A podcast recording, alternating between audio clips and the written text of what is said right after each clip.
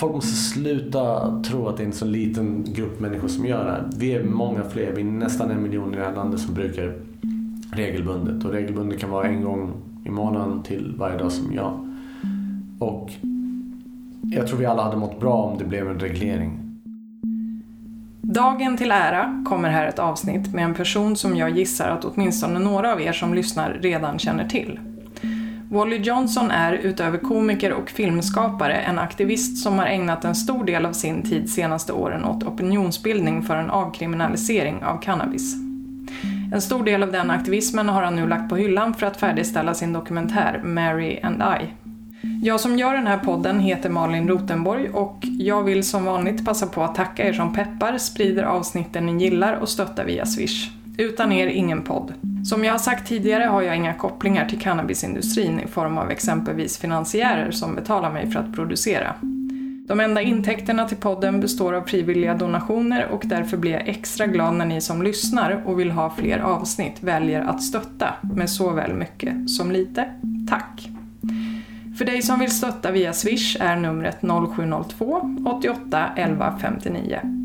0702 88 11 59. För dig som föredrar Paypal eller Patreon finns länkar i texten under avsnittet. Det är alltså internationella cannabisdagen och i det här extra långa avsnittet får ni ta del av hur cannabisaktivisten Wally Johnson ser på en rad olika frågor om just cannabis. Wally Johnson. Hej! Hej! Kul att du kom. Kul att jag fick komma. Tack så Ja. mycket för att man får komma. Självklart. Eh, Du titulerar dig som komiker, Mm. filmskapare och cannabiskonnässör. Ja. Är det någonting mer? Nej, det är väl ganska omfattande vad jag håller på med. Mm. Vill jag påstå, ja. Vill du berätta om eh, vad betyder det att du är cannabiskonnässör? Det var väl mest bara en finare titel för att säga stoner. Eh, jag är jättetydlig med att jag är ingen expert. Jag är en entusiast. Um, och även där är jag inte så jätte... Jag, alltså jag... När det gäller cannabis, det är mera rättigheterna för användare som, eh, alltså, som är viktigast för mig. Jag är inte så mycket inne i det här med stonerwear. Jag har inte ett enda plagg med ett Mariana-löv. Jag går inte omkring med kepsar. Jag säger inte att det är fel med det. Men det är inte så jag uttrycker min eh, cannabis-konnässörism eller vad man ska säga. Utan det det är något som kom när jag blev cannabisaktivist aktivist helt enkelt. Mm. Att jag insåg jag gillar den här plantan. Men jag behöver inte snacka dag in och dag ut om den heller. Det är så mycket annat med mig. Det är, det är, bara, en, det är bara en del utav vem jag är. Vilket kan låta lustigt eftersom jag de fem senaste åren skapat min identitet kring detta. Men Jag tror att det är rätt många som lyssnar på det här avsnittet som Mm. vet precis vem du är. Eller som i alla fall tror sig veta det. mm. Men sen tror jag också att det finns en del lyssnare som kanske inte har någon aning om Mm. vem du är. Eh, ska vi försöka att ringa in lite grann ditt engagemang i cannabisfrågan? Absolut. Hur började det? Ehm, jag vill så gärna tro att det började när jag var 29 och började röka cannabis. Alltså, eller rättare sagt, jag fastnade för cannabis. Um, tidigare så hade jag testat och inte riktigt haft några reaktioner som jag tyckte var positiva. Så jag blev aldrig hooked. Och jag är glad att jag, jag är faktiskt glad att jag började när jag var 29 och inte när jag var yngre. För det har gett mig ett perspektiv att jämföra till exempel mitt mående innan cannabis och efter jämfört med mina vänner som har hållit på sedan jag var 12-13. Så det började innan jag var 29 för jag har alltid varit rebellisk. Jag har alltid varit konfrontativ. Jag har alltid pekat ut när jag anser att det här, det här är konstigt. Jag brukar alltid säga att jag, är- jag är pojken som hela tiden påpekar att kejsaren är naken. Och det har alltid varit min inställning. Att, att det har varit lite svårt att köpa saker. Jag, jag, jag, inte cynisk, men jag letar alltid efter hål och bluffar och så vidare. Och när jag började röka cannabis så var min tanke bara varför är det här illegalt? Om vi bromsar, varför började du röka cannabis? Um, som sagt, jag hade testat det när jag var yngre. När jag var 16 testade jag typ en eller två gånger, hände ingenting. När jag var 20 testade jag fick en effekt och den, var, den är rolig idag. Eh, vad som hände den händelsen, men det var fortfarande inte riktigt önskvärd effekt. Så jag kan väl säga att nyfikenheten har väl alltid varit lite där, men det var inte förrän jag kom hem från Kanada när jag var 26. När jag kom hem från Kanada och hade bott i Kanada, vad var det, 2009 och 2010. Det blev så normaliserat för mig. Där fick jag verkligen se hur ett samhälle, detta var innan legaliseringen, men alla rökte på och det var ingen som brydde sig och folk skötte sina jobb. Så där försvann den sista udden för mig. För jag, var, jag hade lite av det här reefer madness som i Sverige har. Någonstans i bakhuvudet tyckte jag lite stoners var lite lata. Tills jag kom till Kanada och sa shit, man jobbar ju hårt och de, det är inte så farligt. Men jag började inte bruka i Kanada. Eh, när jag kom tillbaks så tränade jag väldigt mycket MMA. Det är svårt att varva ner på kvällarna. Um, en vän till mig rekommenderade cannabis och instinktivt så här, uh, vet, jag orkar inte riktigt bli hooked på någonting eller behöva känna att jag behöver någonting till för jag tar inte ens sömnpiller och sådana grejer.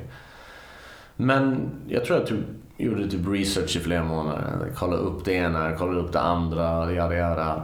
Och så till slut testade jag bara. Han rullade med en joint. Jag tog typ tre blossar på den efter träningen när jag började komma hem. Sov bättre, åt bättre. Och jag började sakta transformera kände jag. Den började... Alltså den påverkar ens, ens hjärna, det gör det. Och jag känner mina tankegångar börjar bli lite annorlunda. Hur då? Mer ödmjuk. Um, mer lugn. Um, balanserad. Um, jag vill fortfarande säga att nu idag när jag ska hålla på att fylla 36 och där var 29 så är det fortfarande jättestor skillnad. Det är snart sju år sedan. Men jämfört med hur jag var när jag liksom, innan jag började röka cannabis var jag alltid ADHD, kunde inte sitta still, eh, ville ha mycket uppmärksamhet. Det var mitt sätt att få någon sorts bekräftelse. Så det här det bara satte perspektiv på saker och jag slutade dricka. Jag slutade röka tobak. Och när jag säger sluta röka tobak menar jag, jag rullar inte ens mina jointar med tobak. Um, jag gick från vegetarian till vegan. Mitt liv, anser jag, blev sakta bättre. Och dessutom när jag började göra saker jag började tycka om, som stand-up comedy, jag fick manus som... Eh, förlåt, jag fick jobb som manusförfattare. Då, då, då, blev, då roterade den här tanken hela tiden. Är det här på riktigt en dödsdrog? kolla vad som har hänt med mig. Och jag säger inte att min händelse är eh, att, den, att det gäller för alla. Men mitt liv blev inte sämre. Jag blev inte, jag, jag sitter inte med nålen i armen. Jag, alla de här bluffarna, allt det här skitsnacket som man blev uppfostrad som 80-talsunge, inget av det hände. Och någonstans där började det gro i mig väldigt mycket att jag känner att jag, jag måste på något sätt bidra med någon sorts skillnad. Vad? Jag vet inte. Men eftersom jag är konstnärligt lagd så sa jag, jag ska göra en dokumentär. Anledningen varför jag ville göra en dokumentär var för att jag googlade om det fanns en svensk dokumentär. Och det närmaste jag kunde komma till var en reportageliknande grej som heter Cannabis, dödsdrag eller jazztobak. Jag tyckte den var så negativ. Den var, det var meningen att den skulle vara neutral men lutar ändå åt nej-hållet i människorna de har intervjuat och hela narrativet i den. Så jag kände, vet du vad, faktiskt jag ska göra en dokumentär. Jag ska göra Sveriges första cannabisdokumentär. Och det var mer eller mindre där det började också. För att jag märkte ganska snabbt att jag kunde inte bara göra en film om rörelsen, vilket var det jag ville. Jag blev en del av rörelsen, en instrumental del av rörelsen.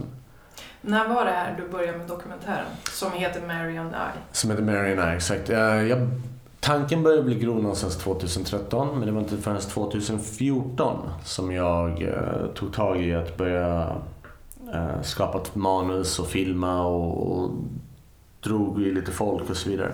Runt samma veva så hade jag upptäckt AKC. Som är? Avkriminaliserad cannabis, Sveriges största eh, Eh, grupp riktad mot liksom, cannabis. Och de såg min trailer, folket som, alltså deras admin-gäng såg min trailer, ville ha med mig på ett sätt eller annat. Och jag var väldigt anti-aktivism då.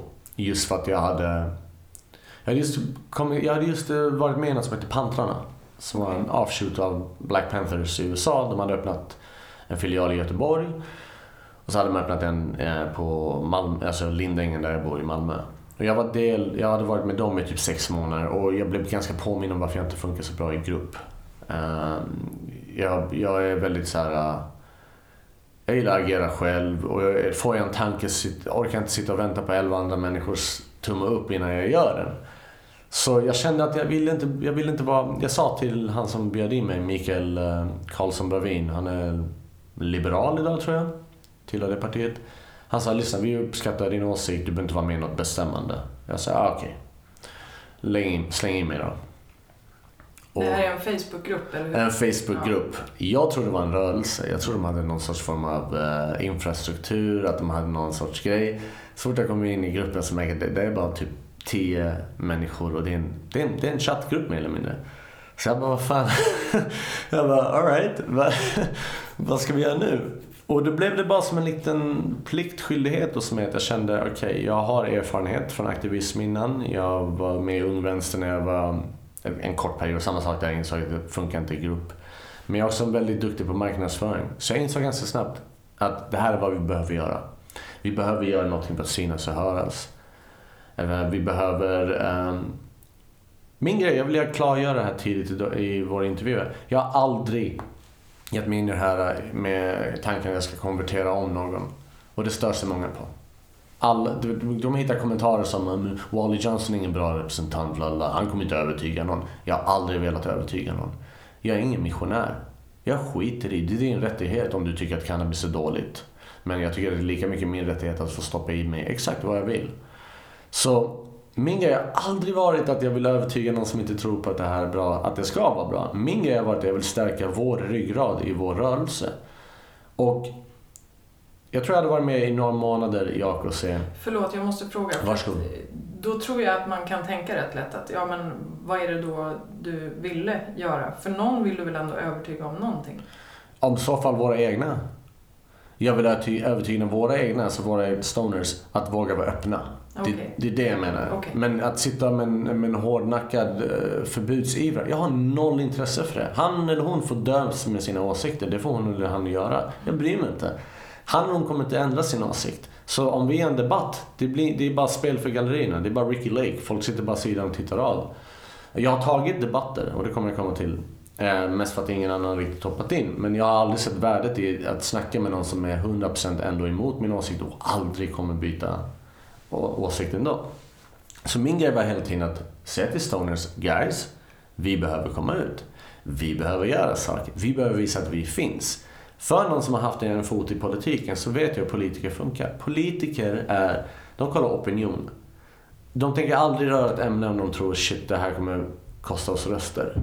Som andra ord, om de tycker att det inte finns en, en, en, en folkgrupp i det här landet som bryr sig om det här, då kommer inte de ta upp det. Men vi svenskar, vi lider av en obotlig passivitet. Där vi på riktigt tror att våra politiker bara kommer nyktra till en dag och bara Hej guys, vi legaliserar. Det är inte så det funkar. Jag har kollat väldigt mycket på eh, gayrörelsen, LGBTQ-rörelsen. Och jag jämför inte någonstans en, en sexuell läggning med ett drogbruk. Men om man jämför deras kamp. Det var inte så att vi som inte var gay vaknade upp en dag och bara Hej! Låt oss ge de här samma rättigheter som oss. De kom ut. De började, fram till 79 så ansågs det att vara mentalt sjuk om du var homosexuell. Så folk började ringa in och säga, ja, jag kan komma in till jobbet idag. Varför då? Nej men jag är mentalt sjuk. Det var på riktigt. Det var så, det var så upproret började. Och innan vi visste ordet av dem så gick de på gatorna med skyltar. Och det här fick de andra människor att fatta att vänta. Jag kan inte hata på bögar för att min morbror är bög. Jag kan inte hata på lesbiska för att min lärare är lesbisk. Vi behöver göra samma sak. Precis som jag fattade i Kanada, vänta. Den här killen jobbar hårt som mekaniker. Han röker på. Who gives a fuck? Han gör det han ska. Han är trevlig. Han håller upp dörrar för alla andra. Det har varit min grej hela tiden sedan dag ett. Att mm. säga till oss i vårt läger, håll upp hakan, var stolt, var rakryggad. Böj dig inte i diskussioner, stå för det du tror på, för du gör inget fel. Skammen i oss finns kvar. Jag har lyckats bli av med min stigmatisering. Men jag visste i början var jag lite skamsen också. Jag, märkte, jag märkte hur folk reagerade. Mm. Var jag på en fest och rökte på och det kom någon anti-människa. Är min reaktion lite så här, ja men jag röker på för att jag har svårt att somna. Då kommer den andra känna, ah, jag har rätt i min kritik. Säg bara jag röker på, vad har du för problem med det? Du står med glas alkohol i handen, snus under käften och cigg i den andra handen och säger till mig att jag lever ohälsosamt. Nej. Så jag hade den här väldigt unapologetic attityden från början. Och många retat sig på den, men det, det, var, det, det, behövdes. Det behövdes någon som jag. Som inte sitter och mesar sig i debatter och viker sig och ser svag ut så att säga. Um, så jag, jag bryr mig inte om att övertyga någon som inte tycker om det här. Det, det ligger inte i mitt intresse. Du har rätt att tycka som du vill. Jag kan leva med att du inte tycker om cannabis. Men jag kommer göra mitt bästa för att försöka se till att det någonstans blir en lagändring på det. Och där sa jag till dem och det dröjde några månader i AKC. Så hände något som heter Musikhjälpen 2014. Just det. Jag kommer inte 100% ihåg vem det var. Och jag vill inte säga fel namn här, men jag kommer inte ihåg vem som var som kom, ihåg, alltså kom på idén. Det var inte i adminen och det var inte jag som kom på idén. Men någon kom på idén att låt oss, låt oss eh, skänka namn i AKC, alltså pengar i AKCs namn. Låt oss skänka pengar i AKCs namn. Och innan du visste ordet av det så var det den största insamlingen. SR, Sveriges Radio fick panik. SVT fick panik. Uh, tidningar började ringa och då sa de i gruppen vi behöver någon som kan vara, våga vara öppen. Som vågar ta de här intervjuerna och yada yada. Ingen ställde upp. Och jag tänkte bara hallå, jag har nyss kommit ut med min trailer. Jag kan ta det här, absolut. Och där blev jag, utan att riktigt veta det, uh, ansiktet utåt. Jag var med i tidningar, jag var med i radiointervjuer. De kallade det en kupp. Att vi hade kuppat dem. Jag sa lyssna, vi håller oss inom regelverket. Och jag tror det resulterade att vi till slut blev den näst största gruppen. Och jag, jag vet inte hur många hundratusen kronor, 200 000, 300 000, jag kommer inte ihåg exakt siffran, men det var mycket som vi bidrog till. Och det var ju så jävla kul den här skitnödigheten i media, för jag, jag, jag, jag bara tänkte för mig själv, fattar inte de att desto mer de skriver om oss, desto mera... Alltså vi får ju bara mer eh, liksom hype och så vidare. Sen året efter så ändrade de lite på reglerna så vi kunde inte riktigt uh, göra den gerillataktiken. Men, det så? Ja, de, de ändrade, jag kommer inte ihåg exakt vad reg, regeländringen var men när någon försökte året efter så gick det inte. De hade ändrat på namnen. Men det var så kul att se folks panik. Liksom så här, alla bara, Åh, men det här kan man inte göra. Så, men det är intressegrupper hela tiden. Hela Sverige stannar var gruppen som vann tror jag. Och det var lastbilschaffisar och så de får göra det för sin grej, men vi får inte säga avkriminalisera cannabis. Vi har inte sagt rök cannabis, vi har inte sagt bruka cannabis, vi har sagt avkriminalisera cannabis. Och det får man tydligen inte säga. Så där i samband med de här intervjuerna och allting så, så, så började folk få höra talas om mig. De började få höra talas om min dokumentär. Och eh, det är, väl, det är väl typ där det började, mer eller mindre. Det började egentligen innan dess i form av Jens Wallmans rättegång mm. i augusti 2014. Uh, ehm, han skrev till mig och sa att han hade åkt fast för odling. Han visste inte vad han skulle göra. Och då hjälpte jag honom att ta tag i all möjlig media. Vi fick till och med Vice att skriva om, om honom. Och jag samlade ihop lite folk till hans rättegång. Vi gjorde ett event. Så man kan säga att egentligen där började det någonstans, men det blev cementerat med Musikhjälpen. Mm. Och det var lite ofrivilligt, jag ska inte säga att det var ovilligt, men det var lite ofrivilligt på ett sätt för att jag, jag det var ingenting jag satt och tänkte på innan, bara jag ska bli cannabisaktivist. Jag sa jag ska göra en film om rörelsen och det är mitt bidrag. Sen går jag vidare till mitt underhållningsliv eller whatever. Men uh, nope, det blev inte så. Men och sen hur länge stannade du som eh, aktiv medlem av AKC, eller vad man ska säga? Um, jag kände redan efter ett år eller två att jag ville liksom dra mig ur. Um, Varför då? Aktivist, för er som lyssnar. Aktivism innebär ett liv av ekonomiska svårigheter. Det innebär massa obetald tid. Det innebär otacksamhet. Du sliter, du går ständigt uppförsbacke. Ibland regnar det på dig, ibland haglar det på dig, ibland snöar det på dig. Det är aktivism. Det är inget, det är inget coolt att vara aktivism. De som är aktivister, de är det oftast för att de vill ha en förändring. Och jag visste vad det innebar att vara aktivist. Så jag kände redan innan att jag kände att jag vill inte vara kvar där länge. Och jag kände någonstans där att det här tar tid från min film. Jag förstod ju inte då att, att det blev ihopflätat. Jag hade inte riktigt kunnat göra filmen om inte jag var aktiv heller.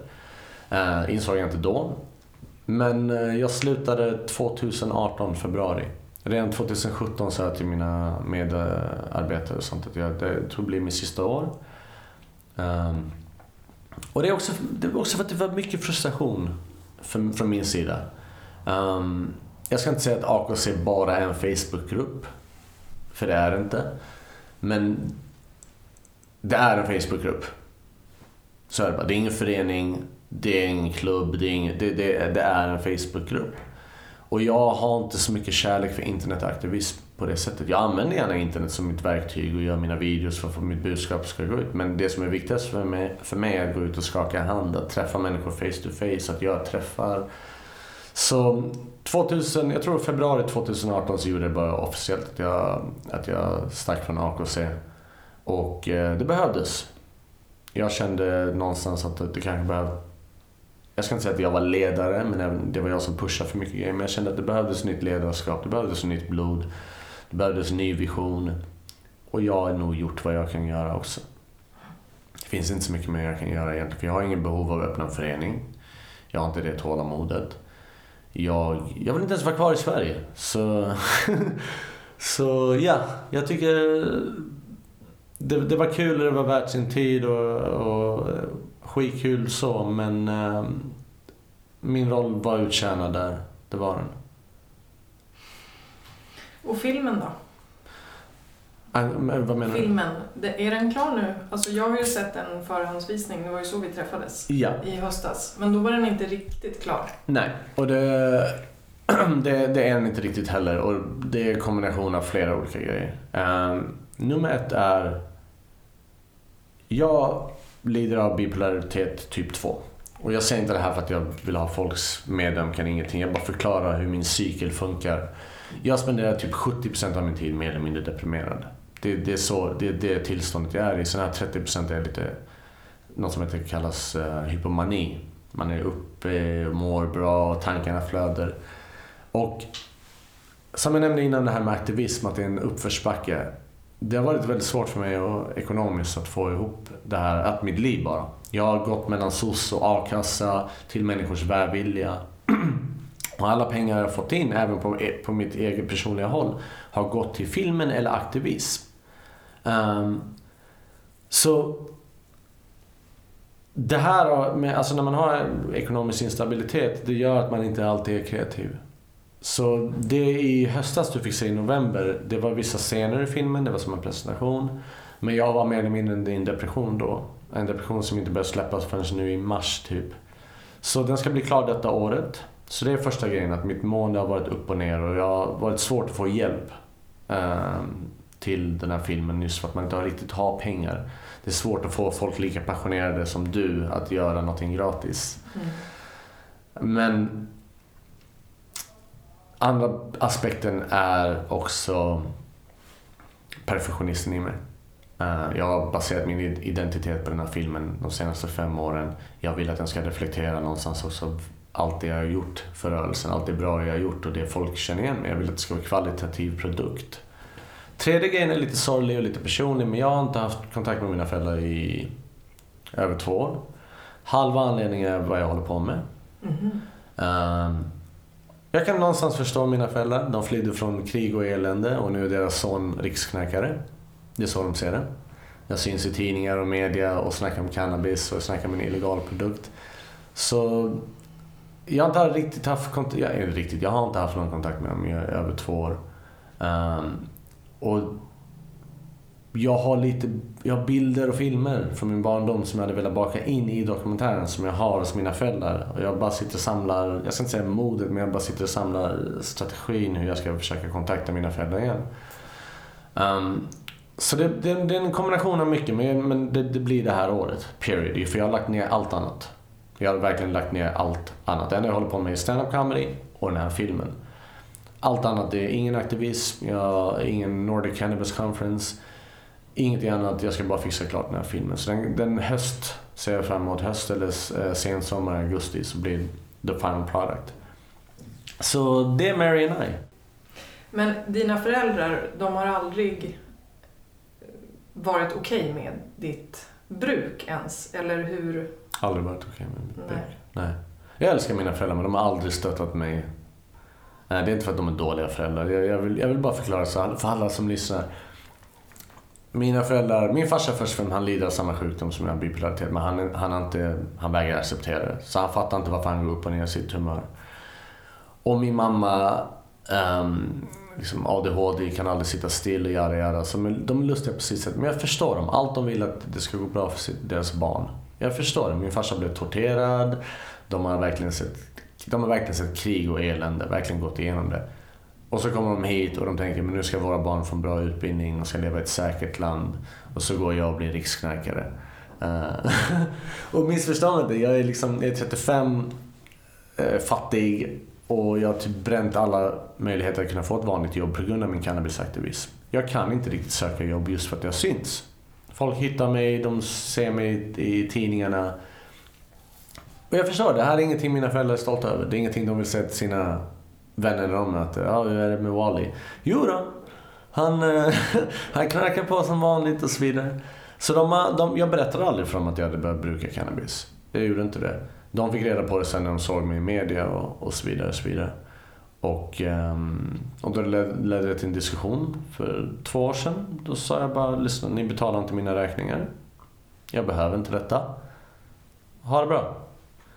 Och det är väldigt lustigt då, för det här är en anledning varför många jag snackar med säger att de inte kan vara öppna. Vi snackar så jävla mycket om hederskultur och snackar om andra grupper i det här samhället. Vi tänker inte på hederskulturen som finns i det här landet. Där folk, helsvenskar har sagt till mig, min mamma kommer, kommer klippa kontakten med mig om jag gör det här.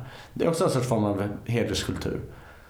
Um, så ja, jag hade tur med mina föräldrar för de var så jävla liberala annars. Liksom. Jag och min syster, vi växte upp i ett sekulärt hem liksom ingen religion involverad. Vi fick göra allt möjligt, ha flickvänner och pojkvänner och göra, göra. Men just den här grejen, de fattar inte det. Eh, de är från den generationen helt enkelt. Så jag tycker det är synd. Jag, hopp, jag hade önskat att mina föräldrar hade förstått värdet i cannabis, det, speciellt dess medicinska egenskaper. Jag önskar att min farsa hade kunnat komma till underfund att han faktiskt lider av en humörstörning i form av bipolaritet, så hans liv hade varit mer kvalitativt. Men du, gå tillbaka till det jag sa innan. Jag behöver inte att varje människa tycker som jag. Jag gör verkligen inte det. Och det är därför jag inte riktigt, det är därför min värld inte går under om någon tycker olika som jag. Det är din rättighet, du får jättegärna göra det, även om du är mina föräldrar. Men känner du alltså med andra ord att cannabis hjälper dig i din bipolaritet? Utan tvekan. Absolut utan tvekan. Vill du förklara lite? För jag tänker att om det är folk som lyssnar som kanske dels inte ens vet så mycket om vad bipolaritet skulle kunna mm. innebära, vilket ju kan innebära lite olika saker. Eh, och sen hur cannabis påverkar. Absolut. Jag vill, vara, jag vill jättenoga säga att det här är väldigt individuellt. Bara för att det funkar för mig så kommer inte det betyda att det funkar likadant för någon annan som har bipolaritet. För alla har olika hjärnkemi. Och alla har olika livserfarenheter, olika trauman och jada jada. Men eh, för att förklara för de som kanske inte vet vad bipolaritet är, det är en humörstörning som gör att du ibland bara vaknar upp och fattar inte varför är jag deprimerad idag. Um, och, eller varför är jag så jävla glad idag? Du vet, det är en, grejer hjälper ju, kost hjälper ju, motion hjälper allt det här. Men du kan du kommer aldrig komma ifrån faktumet att det sker i cyklar. Jag kommer bli deprimerad. Det kvittar vad jag gör. Det kvittar om jag sköter min hälsa, om jag joggar, allt. Jag kommer gå in i en depression. Och tvärtom, jag kommer gå in i ett hypomans tillstånd vid ett tillfälle eller annat. Det här kan man medicinera sig emot. Eh, alltså nu snackar jag medicinering, konventionella medicineringar. Ehm, jag har vägrat konventionella, och det är inte för att jag är emot konventionella mediciner och Big Pharma och allt det där snacket. Jag är inte det. Det finns mediciner som är bra och det bör man använda. Och för er som lyssnar som kanske är bipolära, om ni använder konventionella mediciner och det funkar för er, fortsätt med det. Jag har... Första gången jag fick en medicin som skulle hjälpa mig att sova blev jag självmordsbenägen och var nära på att begå självmord. Så jag blev väldigt, väldigt avskräckt tidigt. Det här var när jag var 20 något. Jag hade väldigt psykiska besvär, blev inlagd ett par gånger. Eh, eller rätt sagt, jag försökte begå självmord, blev inlagd. Där gav de mig lite mediciner som skulle försöka hjälpa mig för jag hade inte sovit på länge också. Och en av de här medicinerna slog slint. Och det är jävligt lustigt för kolla på många bi, bipacksedlar som följer med medicin så står det ibland eh, suicida tankar. Mm. Jag blir så what the? Men och jag fick en annan medicin också som hette jag kommer inte ihåg namnet men den gjorde mig eh, som en zombie.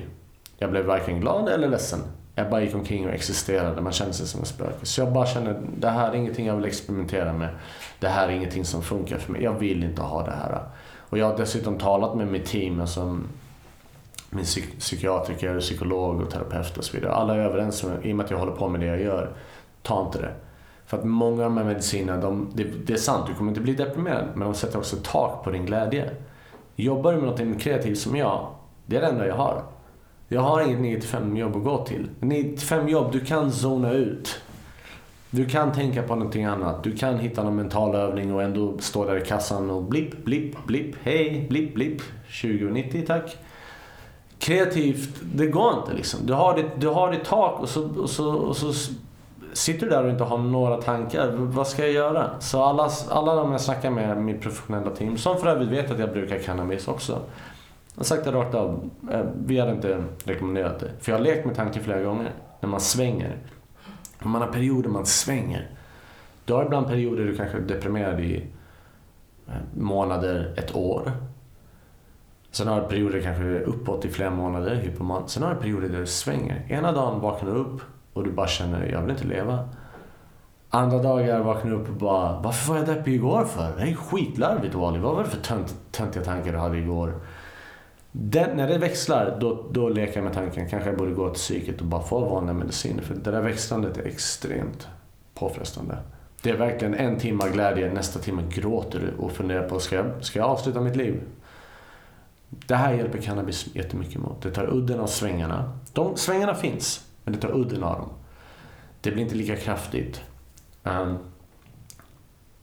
det främsta jag tackar cannabis för, förutom sömn och aptit, är att jag kan tänka på någonting annat när jag mår dåligt. Röker jag cannabis så kan jag ta en promenad med min hund, inte tänka på att jag mår dåligt, tänk, inte tänka på att jag inte får någonting gjort, inte tänka på att jag har en film som alla sitter och väntar på. Jag kan försöka fokusera på att må bra, på att fylla på mitt happy, mina happy cells så att säga. När jag inte har cannabis, de tankarna blir som ett ekorrhjul. Och det är det som till slut gör att man börjar leka med tanken, ska jag bara avsluta det här? Jag vill inte, alltså jag vill inte göra det här till någon grej så för er som lyssnar, men självmordstankar, det, det är, jag tänker nästan varje dag på det. Det är inte samma sak som att vara självmordsbenägen, så att folk förstår skillnaden. Självmordstankar, mer än ofta känner jag bara, är, är det inte bara lättare att bara avsluta det här? Det hade bokstavligen löst alla ens problem. Och det är det jag mer eller mindre går omkring på. Det är typ mina demoner. Blandat med trauma från liten, från när jag var barn. Osäkerhet som man växte upp med, med ens föräldrar, allt det här. Det gör att man har ett väldigt jävla självförakt. Det ett, ett, ingen kan vara så hård mot mig som jag mot mig själv. Ingen är så granskande och analytisk som jag är själv, på gott och ont. Cannabis gör bara det här mer behagligare. Som jag sa innan, jag vet att jag kommer bli deprimerad men bor jag till exempel någonstans där det är varmt jag har min medicin, så, så blir det som att falla på en madrass kontra att du faller på ett cementgolv. Och det är så jag är. Jag har accepterat min sjukdom för länge sedan. Jag har accepterat att det här, det här kommer så det kommer vara. Jag kan bara jobba runt det. Har jag min medicin, så kommer, då kommer jag överleva. Det kommer jag verkligen göra.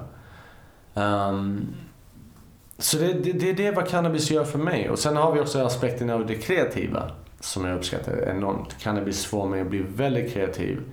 Jag, jag ska inte säga att den inte får mig jag, Förlåt, jag ska formulera om det. Den får mig att vilja tro på idéerna jag tänker.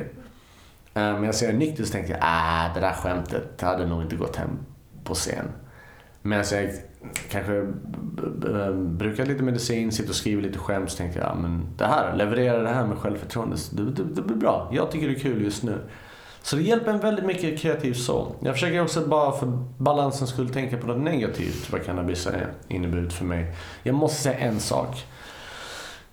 Eh, tidsoptimism. Jag har blivit lite tidsoptimistisk. Men det är mest för att man inte får röka offentligt. Om jag ska träffa dig klockan 10. Hade jag vetat att jag kunnat röka en joint från tunnelbanan hit. Då hade jag inte behövt röka den hemma hade man fått röka som en cigarett lite så. Det har man inte liksom i andra länder när jag varit i Amsterdam eller Men jag fattar inte hur det hänger ihop med tidsoptimism. För att när du flummar så, så blir det lätt, om du sitter hemma och flummar så blir det lätt, ah shit jag ska bara lyssna på en låt till. Ja. Eller jag ska bara läsa det här snabbt. Sen, shit jag är tio minuter försenad. Man, man tappar ibland tidsperspektivet när man ja, är lite hög. Men samma sak som jag sa, när jag varit i Spanien, när jag varit i Amsterdam eller Denver, Colorado. Har vi haft en, en, en eh, tidpunkt Så det har inte varit något problem då. För man kan röka på vägen, ingen kollar på en konstigt. Du kommer dit medicinerad och glad och fokuserad. Um, har du rökt på i morse? Uh, ja, jag tog några bloss innan jag kom hit. Um, och, det, och det är det jag menar. Jag, jag, återigen, det här är inte för alla. Men jag ser väldigt, jag ser cannabis som en tillskott. Det, det gör inte mig så pass hög att jag så här, vet, sitter och stirrar. Och, det är kanske också är värt att nämna indica och sativa. Folk tror att gräs är bara gräs. Mm. Du har indica, du har sativa och så mellan där har du hybrider. Sativor känner inte du så mycket i kroppen. Röker en sativa så blir du uppåt, du blir glad. Du eh, blir energisk, du blir kreativ, euforisk, du vill göra saker. Indica så fastnar du i soffan. För det är också, indica har också muskelavslappnande egenskaper så det är inte bara mentalt, du blir tung i kroppen också. Och eh, det är klart, använder man de här fel eller bor i en svart marknad då blir det trist. För, speciellt för någon som har medicinska skäl till att bruka cannabis. Jag vet när jag behöver sativa. Jag vet när jag behöver en hybrid. Jag vet när jag behöver en indica. Och jag har ett speciellt schema. Under dagen kör jag bara sativor. Det får mig motiverad att vilja städa, springa på ärenden, jogga eller träna och så vidare. Sen när klockan blir sex på kvällen känner jag att hybrid passar bra. Det knockar inte ut den men man blir ändå avslappnad. Sen på natten tar man någon indica. Funkar perfekt för mig. Så det är också värt att påminna, gräs är inte bara gräs. Och om du vill slappna av, rök inte en sativa och bara sätt dig i soffan. Chansen är stor att du, bli, du kan bli irriterad eller rastlös för att det sätter igång en. Och vill du jobba, rök inte en indica. Då kommer du bara vilja flumma och äta chips och så vidare. Och det är därför jag återigen, jag är glad att jag inte började det här som tonåring. Jag är glad att jag började som vuxen. För jag hade inte, jag hade inte, jag hade inte den här självinsikten. Och då hade jag rökt på som tonåring, utan tvekan hade jag fastnat. Utan tvekan, för du har ingen, du har ingen riktning i livet. Nej, men man, har, man har ingen riktning som tonåring. Men vad menar du med fastnat? Jag tänker att, för du brukar ju varje dag Mm. Men vad menar du då med fastnat? Uh, jag som vuxen nu, om det är en dag jag känner, vet du vad, jag skiter i att röka då. I can do it. Om det är en dag jag ska vara igång hela tiden och känner, vet du vad, skitsamma, det är ingen idé att röka på. Jag kan göra det, så kommer jag hem och så röker jag mot kvällen. Uh, hade jag varit tonåring så hade jag inte tänkt så. Jag hade bara, nej jag måste vara hög. Fastnade med menade, hej Wally, vill du göra algebra eller vill du sitta och spela Playstation och röka på? Jag vill nog spela Playstation och röka på. För det känns mer belönande än att sitta och göra algebra. Och det är därför jag, är, jag har alltid varit jättestrikt med att jag tycker inte tonåringar ska bruka cannabis. Det kvittar hur ofarligt det är. Du har ingen riktning i livet när du är 15-16. Väldigt få människor vet vad de vill och väldigt få människor är så pass motiverade i den åldern att de ägnar sig åt, jag vet inte, du är 15 och vill bli badmintonproffs. Det är väldigt få som har disciplin och säger nej, jag ska inte röka, jag ska inte dricka, det här är vad jag ska göra. Men sen är det ju inte heller en jättebra idé fysiskt, alltså rent fysiskt, nej. att göra det när man är ej färdigutvecklad. Exakt. Och det håller jag med om. Eh, de få skador som de har kunnat påbe påbevisa är just ungdomar. Mm. Och det är de som alltid florerar de här antidiskussionerna. Ja men den här undersökningen på 15-åringar. Jo men jag är inte 15. Så och även idag kan jag också säga så jag kan ta pauser. Um, jämför jag det med nikotin. Hoho! Nikotin för mig är en av de smutsigaste drogerna. Jag rökte i cigg i kanske 11 år. Det, det, gick inte att lägga av på samma sätt som cannabis. Cannabis är psykologiskt beroende. Nikotin är både fysiskt och psykologiskt beroende. Så du får en abstinens på det. Cannabis det är bara typ första eller andra dagen som suger. Sen, sen, sen så hittar du lite din balans. Men om du lider av lite sjukdomar, kanske går igenom en tuff period så kanske det inte blir så balanserat. Men that's it. En dag, två dagar. Mm. Eh, det här med avkriminalisering. Mm. Är det det du vill, att det ska avkriminaliseras eller legaliseras? Jag vill att man ska avkriminalisera akut. Och så, och så ska man börja jobba på en legalisering. För jag säger rakt av nu, alla som lyssnar också, avkriminalisering är bullshit. Alltså det är så BS av episka proportioner. Och efter att ha varit du vet, upp i nacken med den här rörelsen i fem år nu så, så, så tror jag avkriminalisering kan bli en av de värsta sakerna som händer i Sverige. För att svensken är så jävla lat och passiv. Att den kommer fastna vid en avkriminalisering. Han eller hon kommer bara tänka, ja ja, så länge inte jag blir straffad. Jo, du kommer fortfarande bli straffad. Polisen kan fortfarande stoppa dig, konfiskera det du har. Sen att du inte får en böteslapp för det, vad, vad, vad spelar det för roll? Du kommer fortfarande inte få tag i kvalitativ medicin. Jag säger rakt av, det finns få gånger har jag rökt röka här i Sverige som har imponerat på mig. Majoriteten är skräp, underkurerad bullshit, black market weed. Det är ingen, bra, det är ingen kvalitet. Och väldigt få människor tänker som jag. De tänker bara, ah, men så länge jag blir hög. Hasch, vet du hur kontaminerat haschet är i det här landet? Jag trodde skitlänge att det här bara var förbudsivrarsnack. Tills jag fick det testat när jag själv var i Spanien. Jag tog med tre sorters hasch från Sverige. Alla var kontaminerade. Med något lösningsmedel, med någonting annat. Det här kommer inte försvinna när marknaden är avkriminaliserad. Eh, och för att inte nämna de kriminella element vi har idag, de kommer bara tjäna ännu mer på en avkriminaliserad marknad. För att om de vet att deras kunder inte blir straffade, så större benägenhet man köper mer. Så jag säger så här, just rent juridiskt måste vi avkriminalisera just nu. Det måste vi. Vi måste sluta straffa folk, speciellt människor som är sjuka. Eh, och nu, nu snackar jag inte bara cannabis, nu snackar jag även folk som är fast i kanske ett eh, problematiskt bruk med heroin eller eh, alkohol finns ju insatser för idag, men etc. Du vet, de drogerna. Avkriminalisera det. Om du, om du bor i en kartong och, och ditt livs, livsprioritering är att skjuta dig full med heroin med en smutsig nål som du har lånat av din kartongpolare. Du ska inte hamna i fängelse för det. Du behöver hjälp. Du behöver vård, du behöver omtanke. Så avkriminalisera akut, men jag tror absolut inte på en avkriminalisering i längden. Absolut inte alls. Legalisera den här... Det, det, sluta, folk måste sluta tro att det är en så liten grupp människor som gör det här. Vi är många fler. Vi är nästan en miljon i det här landet som brukar regelbundet. Och regelbundet kan vara en gång i månaden till varje dag som jag.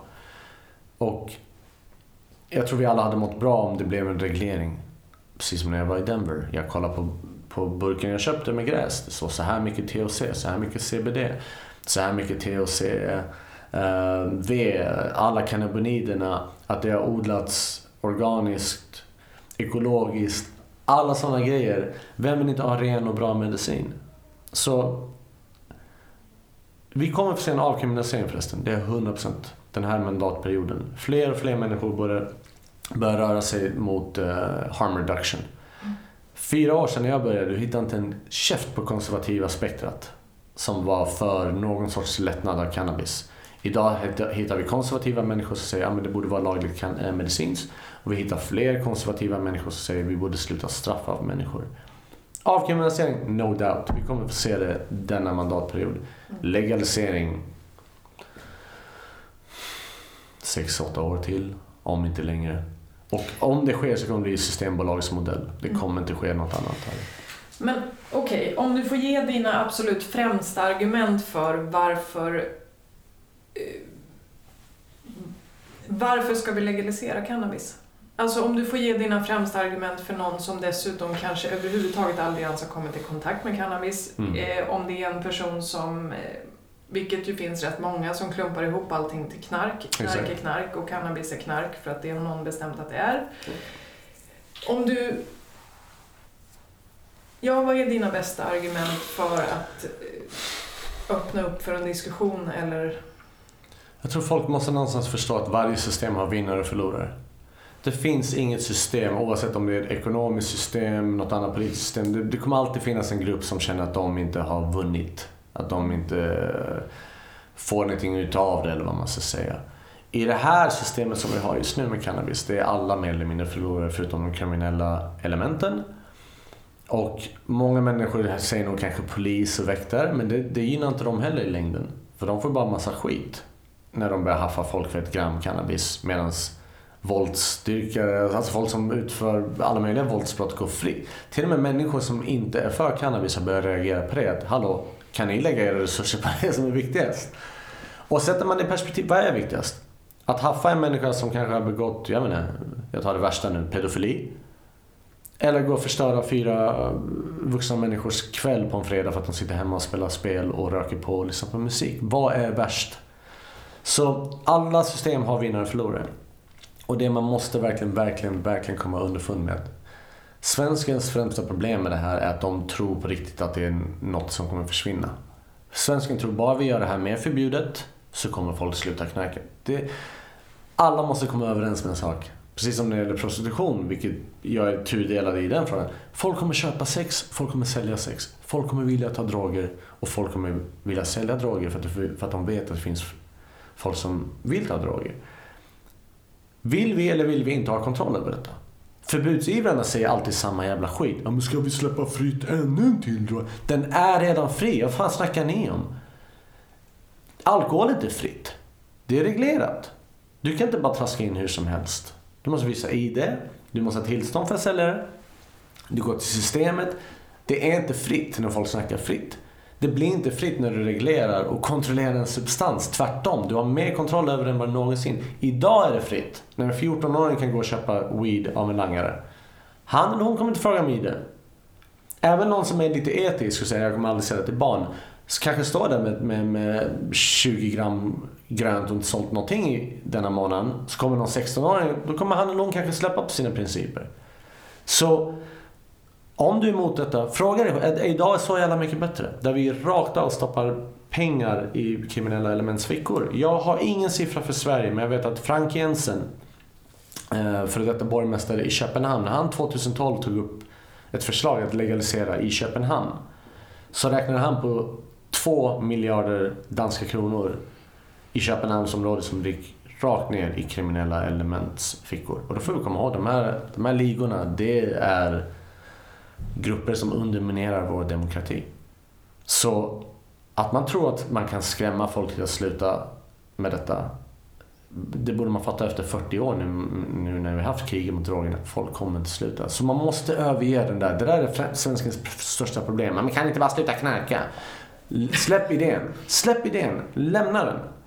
Folk kommer inte sluta knarka. Det gör de inte. Och, så det, det, det, det är den grejen jag försöker verkligen säga till folk. Liksom att när ni gjort bekanta med idén att det här kommer alltid finnas, då blir det lättare någonstans att säga, okej okay, men hur ska vi tackla det? Mm. Än att bara förbjuda, förbjuda, förbjuda. När man fattar, och det är det politikerna sakta börjar fatta, de börjar fatta, okej. Okay, folk kommer inte, folk röker på mer än någonsin. Inget av det vi har gjort funkar. Böter, stigmatisering, fängelse, inget av det funkar. Så jag vill att alla som är emot det sätter verkligen i perspektiv och förstår att det går inte att göra. Det finns inget som heter drogfritt samhälle. Det har aldrig existerat. Kommer aldrig existera. Vill du ha ett drogfritt samhälle då måste du bränna ner allt som finns och så lever vi bara i en virtuell värld typ. Så det är nummer ett. Och två är det här med kontrollen. Vill vi att det ska vara okontrollerat? Jag tror inte någon vill att det ska vara okontrollerat. Men då måste du släppa tanken om att kontroll är att det är förbjudet. Folk kommer inte sluta. Så jag är väldigt inne i den ingången någonstans. Jag kan snacka hur mycket jag vill om medicinska aspekter. Ehm, jag kan snacka hur mycket jag vill om eh, vad jag anser bara min, min frihet. Jag tycker det bara är min frihet. Jag kan snacka om medicin så mycket jag vill, jag kan snacka om alla andra aspekter men i grund och botten så handlar det om frihet. Lika lite som jag bryr mig om vilken färg på byxorna du har, lika lite ska du bry dig om vad jag stoppar i mina lungor. För så länge det inte påverkar dig, skit i. Skit i. Bry dig inte. Jag tycker det bara visar vilket, vad som inte händer i ens, egen liv när man, i ens eget liv när man gör det här till värsta grejen. Att man går och bryr sig om vad folk har på sig. Eller gör. Bry dig inte. Stör, kolla bort. Känn inte lukten, yada yada. Mm. Men jag kan inte säga så idag. Idag påverkar den, den kriminella handeln alla. Du har gängskjutningar, du har uh, ungdomar som växer upp till en stor arbetslöshet. Vi snackade om det här innan vi hade vårt möte om AI. Automatiseringen börjar ta bort alla jobb. Mer än någonsin hade vi behövt en legalisering. För att det kommer bidra till fler jobb. Folk vill ha den här grödan. Folk kommer inte sluta uh, bruka grödan. Och jag har inte ens börjat snacka om hampa än. Innan du eventuellt börjar med det, mm. så ett argument som slår mig att jag har hört många gånger bland människor som är nervösa kring att cannabis ens diskuteras så mycket som det gör nu och att legaliseras runt om i andra länder och sådana här saker. Många oroliga föräldrar och vuxna är också sådär att eh, det är inte helt ovanligt att man får höra men vad sänder det för signal till ungdomar om den legaliseras den här drogen och hur ska vi tackla allt sånt? Och är det någonting som du jag, jag tycker det är en absolut korkad inställning att ha. Jag säger inte att människorna är korkade, jag tycker inte de är dumma, men det är en absolut korkad inställning att ha. För ingen sätter i perspektiv hur normaliserat alkohol är. Vi super framför våra barn. Vi blir fulla framför våra barn. Eh, Jag, jag har ju varit i länder där det här varit så normaliserat. Det är ingen som, alltså sitter en farbror och röker gräs någonstans. Det är ingen, man, som barn, det blir bara så konstigt som du gör det till. Och det är det jag försöker säga till folk. Liksom, bara nu senast när jag var i, i Teneriffa, i Santa Cruz. På stranden ser jag en snubbe som står och meckar en joint och hans unga sitter bredvid. Men det blir så konstigt som du gör det till. Och till skillnad från alkohol, ditt sinne förändras inte så mycket på cannabis. Återigen, inte alla. Finns det de som blir jättesnurriga och inte känner igen sig. Men majoriteten av människor, de, det blir bara en, en förhöjd nivå av vilka de är. Jag kan inte säga samma sak om alkohol. Eh, Min farsa är inte alkoholist nu men så många gånger som jag har sett honom full, det har inte varit han. Det har, det har bara varit på gränsen till obehagligt. Ja, Okej, men om, om vi struntar i jämförelse med al- alkohol. Absolut. Den är absolut väsentlig tycker jag att göra. Mm. Eh, och den görs också ganska mycket. Ja. Men om, om vi skiter i alkohol och Mm. andra droger Mm. bara, och, och bara fokuserar på eh, att vi kan ponera att vi vill hålla cannabis så långt ifrån Mm. ungdomar som Mm. möjligt.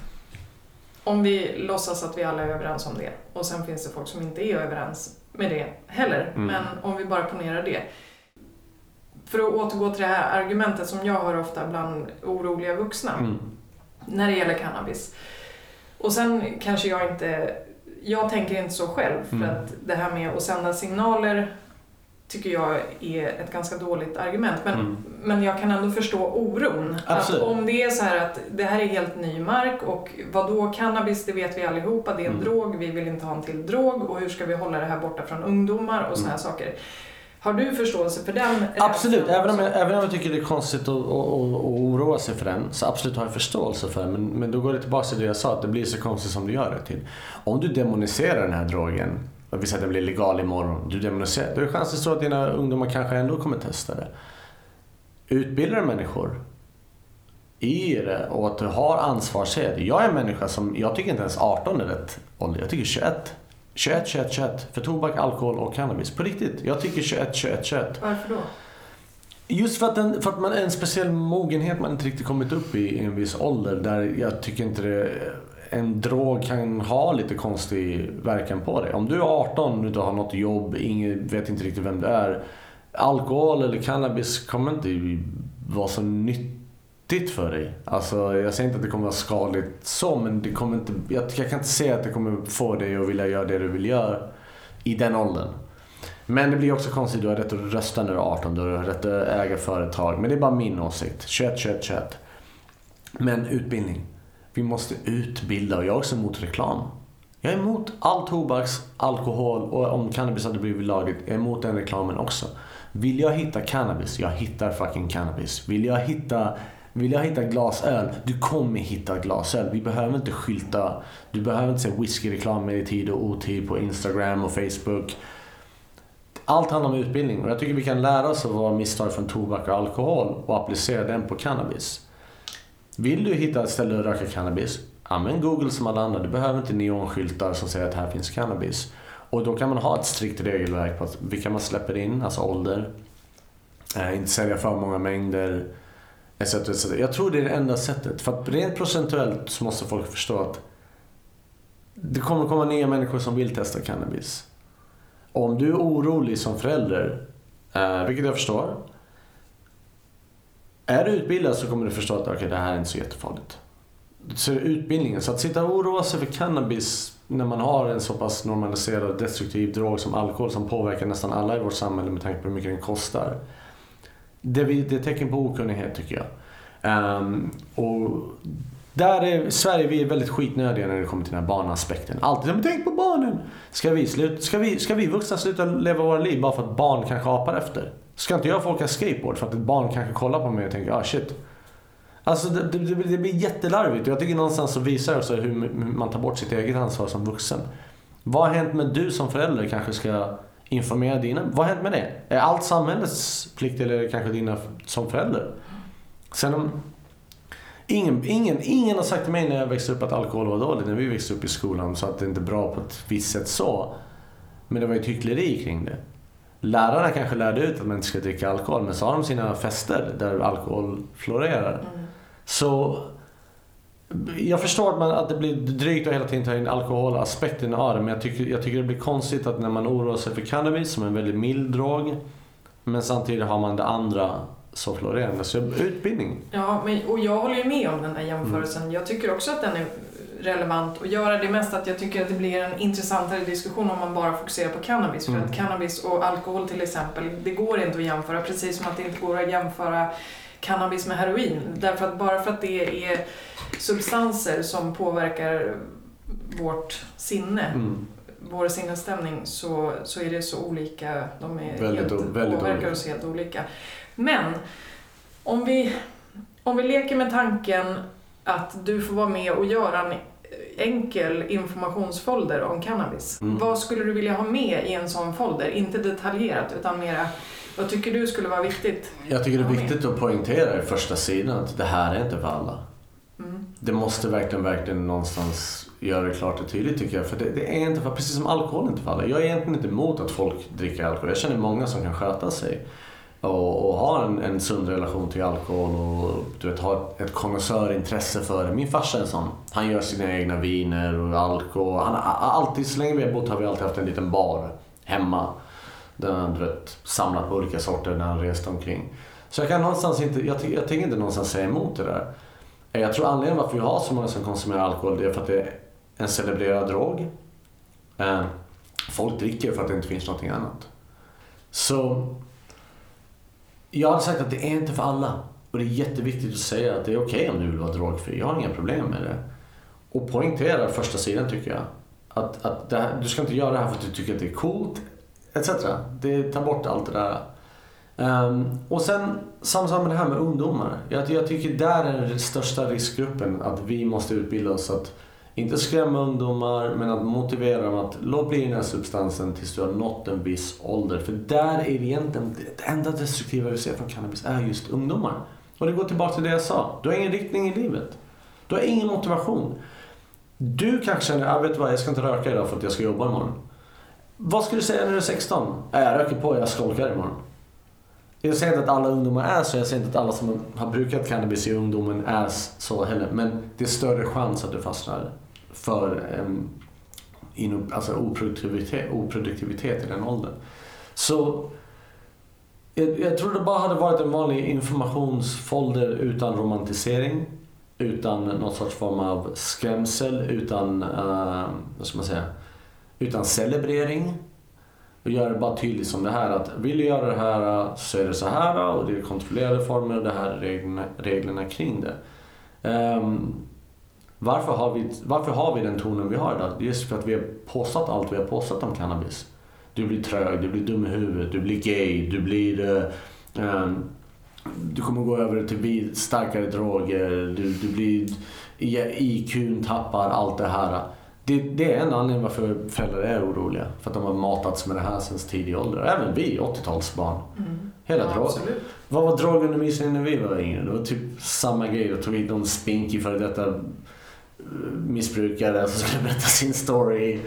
Um, ja. ja, och sen det är väl det jag kommer ihåg mest just att cannabis är liksom bara inkörsporten. Mm. Och det, det är på något sätt någonting som jag fram tills för några år sedan när jag började intressera mig eh, inte ens har tänkt på utan det är så här, ja det har legat där och mm. guppat runt som fakta typ att ja så är det väl. Det är en halvsanning i det i illegala marknader. Det ja. ligger en halvsanning i det. Det är sant, majoriteten av alla människor, jag hade nog sagt 90% av alla, de går inte vidare till något starkare. Men de 10% som är nyfikna, i och med att det huserar under samma tak, så är det bara. Min mm. langare eh, som säljer gräs, jag vet att han inte säljer cola. Eh, jag, jag har inget intresse för cola, jag bara tog den eh, drogen som ett exempel. Men om jag hade velat scora cola, han hade kunnat, han hade kunnat gett mig ett nummer. Mm. Så är det inte. Går du in i Systembolaget idag, du kan inte köpa tobak. Du kan inte köpa cannabis. Du köper sprit. De har specialiserat sig. Går du och frågar dem, ursäkta vet du vad jag kan köpa tobak? De kommer inte hänvisa dig till någon så. Och det, det, så det finns en liten halvsanning i det. Det gör det ju. Uh, På grund av att marknaden är där den är nu? Eftersom den, exakt, den är illegal och det är lite tvivelaktiga typer mm. som inte har samma moraliska kompass som alla andra. Hade du sålt cannabis legalt, då hade det kommit med en stor ansvar. Du kan få ditt tillstånd eh, liksom, eh, indraget om du säljer till ungdomar. Samma sak om du går och köper tobak. Eh, de säljer inte till barn för de vill inte, få, de vill inte förlora jobbet. Ingen langare bryr sig om det alls. Så jag tror väldigt mycket på utbildning. Men, men det krävs ju också att man har någonstans ett öppet sinne. Och uh, ja, det, är väl det jag jobbar på med att försöka stärka de som redan är inne att vara öppna. Visa för folk hur normala ni är. Visa att ni kan ha en konversation när ni är höga. Um, och inte liksom den här skräckbilden som vi hela tiden matas med. Jag ska inte ljuga heller, jag, var också, jag trodde också det. Jag hade, länge hade jag den inbildningen, alltså inbildningen också att stoners var tråkiga, de bara satt i soffan. När det var fester så satt de alltid i sitt hörn och inte engagerade sig i allt annat. Tills jag började sakta inse att vad fan, det är ju det här som är inte är roligt. Att hålla på och supa och inte komma ihåg vad fan man snackat om. Och jag har hellre en intim diskussion med fem, fyra personer över en joint än att vara på en fest med 20 pers där hälften inte ens vet vad fan de håller på med för att de är så fulla. Men, uh, ja. Känner du någonsin att det blir för mycket? Alltså, tar du för mycket någon gång? Jag, återigen, är så glad att jag började när jag var äldre. För det kom en självmedvetenhet. Jag... Mitt största missbruksproblem var eh, online gambling. Mm-hmm. Det, det var, och det säger, varför jag säger att det var värst, det var för att det är pengar involverat i det. Nu är det inte stora summor, jag tror jag slarvade bort 30-40 tusen under min, det lilla typ så här, året jag hade fastnat lite för det. Tobak, absolut. Jag kände hela tiden att jag, jag, vill, inte, jag vill inte röka. Även när jag blev hupp, jag, jag vill inte röka, jag vill inte ha det här i mitt system. Alkohol, när man började supa där när man var 15-16 så var det ju, då var det bara kul. Men sen började det komma en ålder där man, alltså när man är 20 års ålder, man började känna det här är, det är inte alls kul. Jag mår dåligt dagen efter, man, ibland mår man dåligt två dagar efter. Så man, jag säga, okej, okay, jag byter en kväll mot två dagar för att må dåligt. Så det börjar sakta gro på en. Um, cannabis, nej. Jag är jätteglad och det, det, är nog bara för att jag är äldre. Jag, jag vet att om jag känner att jag röker för mycket så vet jag att det är en indikation på att jag kanske är stressad. Att det är min, min hjärnas sätt att säga ta lugnt nu, chilla lite. Så jag har, jag har faktiskt, jag tar ett trä, jag har aldrig haft problem med cannabis. Jag är så jävla glad för det. Att jag inte varit hooked, att jag inte går och säljer allt jag har hemma för att sponsra mitt beroende eller att liksom, om inte min langare svarar, ja, okej, då skiter jag i det. Då kan jag leva idag utan, utan gräs. Liksom. Det kanske inte blir lika kul, men jag kommer inte dö. Nikotin, det, det, det är bara den jag kommer till jämförelse med. Det, shit, jag kommer ihåg jag hade en kiosk i min första lägenhet på bottenplan. Jag kommer ihåg jag sa till mig, sluta röka, du ska inte röka, du ska inte röka. Till och med när jag var pank så gick jag ner och kritade sig. Liksom, bara, ja, bara, bara det som ett exempel. Så jag har aldrig känt att det blir lite för mycket med cannabis. För jag... Cannabis är också sådär, hur ska man förklara? Känner du inte att du vill ha med så, alltså, Jag känner att folk är väldigt duktiga på, nej, det, det, det, det, det räcker, det, när man passar jointen, nej det är lugnt. Men det var inte så mycket alkohol. Jag tyckte alkohol, det är alltid så jävla mycket tävlan i alkohol. Tycker jag. Det är superlekar och shottar hit och la la la. Det, det, känns som det är bara så här, vem kan först komma till mållinjen shitfaced? Uh, nu, återigen, jag säger inte att alla alkoholkulturer är så. Men det var det jag upplevde väldigt mycket. Um, Men nu dricker du inte alls? Jag, jag dricker, jag, jag tycker om öl. Jag dricker alkoholfri öl. Mm. Då och då kan jag dricka en öl. Men det stannar där, för jag, har, jag, jag gillar inte känslan av att vara full. Den, eh, när jag började röka cannabis och jämförde de här, dess, dessa rus. Jag tyckte full var okontrollerat, man var inte riktigt sig själv. Man är odräglig oftast, man är bara, ja, det, det, det, är inget optimalt för mig tycker jag. Jag tycker inte det höjer ens medvetande, det eleverar inte ens känslor någonstans. Jag kategoriserar droger i två kategorier. Reflektiva droger Snarare bara droger du känner saker på. Kokain, alkohol, heroin. Du känner saker på det. Men jag tycker någonstans är inte det reflektivt. Medan cannabis och psykedelika, det är vad jag anser reflektiva droger. Jag tror det är också en grej. Det är också en grej varför många inte gillar cannabis. För jag frågar många, vad, behöver är det med cannabis? Jag tänker för mycket. Okej, okay, du är inte bekväm med dina egna tankar man. För jag kommer aldrig glömma en historia en polare sa till mig. Han sa att han hade rökt gräs. Jag vet inte hur vi kom in på det. Han sa att det var det värsta han varit med om. Jag sa varför då? Så berättade han vad han gjorde när han rökte gräs. Han hade jobbat på McDonalds och var två snubbar som han jobbade med. De skulle stänga. Och så sa han, men vill du röka på lite med oss? Han bara, ja, kör varför inte? Han sa till mig, han bara Wally, det var det läskigaste jag varit med om. Jag, jag stod och stirrade på en container i två timmar. Jag bara, är det det läskigaste du varit med om? Att du stirrat på en container? För att man lyssnar sen på hans fyllehistorier. Då är det att han trillar ner för en trappa, han boxar någon på käften, han däckar i en buske, vaknar upp i en helt annan ort. Du vet, och det berättar han med ett skratt. Men att stirra på en container, det var tydligen för mycket. Och du vet, då blir jag bara så här: okej, okay, ni, ni, ni vill inte tänka för mycket. Och det är okej, okay, man behöver inte tänka för mycket. Varför blir man ens nojig? Vissa, varför blir vissa så jävla nojiga för? Jag tror det där är en reflektion av hur de är annars. Det är lite grejer de måste jobba på. Eh, jag säger inte att de är sämre människor, men cannabis är väldigt ärlig. Ibland. Det är en väldigt ärlig drog. Alkohol ljuger för det. Det är ett dumt självförtroende som eh, “Kolla jag ska stå på händerna”. Så knäcker man armen och så vaknar man upp med en fyllestory. Cannabis är väldigt ärlig. Jag är väldigt reflektiv. Jag tror aldrig jag lärt känna mig så pass bra som tack vare cannabis. Och det här kommer vara med i filmen, spoiler. Men det är tack vare cannabis som jag blev medveten om min sjukdom. Det satte ett väldigt, väldigt, väldigt en väldig reflektion på allt, på vem jag är. Det blir nästan så att man ibland stiger ut ur sig själv i ett tredje perspektiv och, och granskar saker. Och det var där jag någonstans insåg att det här är inte en slump. Att jag mår som jag gör. Det här är ett mönster. Och när jag satt i reflektion, jag bara nej, det här, det här är någonting. Jag har känt det här sedan barndom. Det här kände jag innan jag började röka cannabis. För jag tänkte en millisekund, är det cannabis som har fått mig att må så här? Men jag satt i reflektion och förstod. Det här är inte första gången det här har skett. Det är inte första gången jag velat begå självmord, göra, göra. Och det var, tror jag, ett år som rökare kontaktade vården efter det. Och, jag hade gjort min research. Jag sa, jag tror, jag är inte här för att själv diagnostisera mig själv, men jag tror det är bipolaritet. Mm. Och det visade sig senare att det var det jag fick min diagnos. Så jag tror vissa människor vill inte alltid ha den här ärligheten och jag tror det är också... Många ljuger för sig själva. Inte bara om deras problematiska bruk. Jag har hur många vänner, ska, hur många vänner som helst som spenderar tiotusentals kronor på gym men inte en krona på mental uh, på sin, men, alltså, sitt psyke. Inte en krona på sitt psyke men de går och betalar tiotusentals kronor på gym och steroider och pumpar upp sig och men inte en enda gång går de till psykolog. Varför? De vill inte gräva upp gamla minnen och trauman. Jag förstår att det är tufft. Men det är som en renovering. När du ser en renovering pågå, du tänker what the fuck, det här är ju fan stökigare än vad det var innan. Men det, ibland behöver det bli stökigare än vad det var innan för att bli så optimalt det kan. Och det, och det, det är med de här människorna. Det är, det är många människor som jag säger, varför söker du inte hjälp? Ah, du vet, de hittar på sina ursäkter. Nej, men de, vården är så här, lala. Nej, det är för att de inte vill gå och gräva upp gamla trauman och minnen. Mm. Cannabis tar upp gamla trauman och minnen ibland. Det gör det. Mm. Jag tänker också på en annan sak. Hela ditt engagemang i den här frågan har ju kostat dig ganska mycket. Mm. Alltså både relationer och allt möjligt annat. Mm.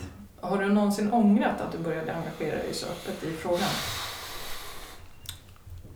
Jag vet inte om jag har ångrat, men jag har definitivt ifrågasatt. Det har jag. Jag tror en av de främsta stunderna när jag ifrågasatte var 2007.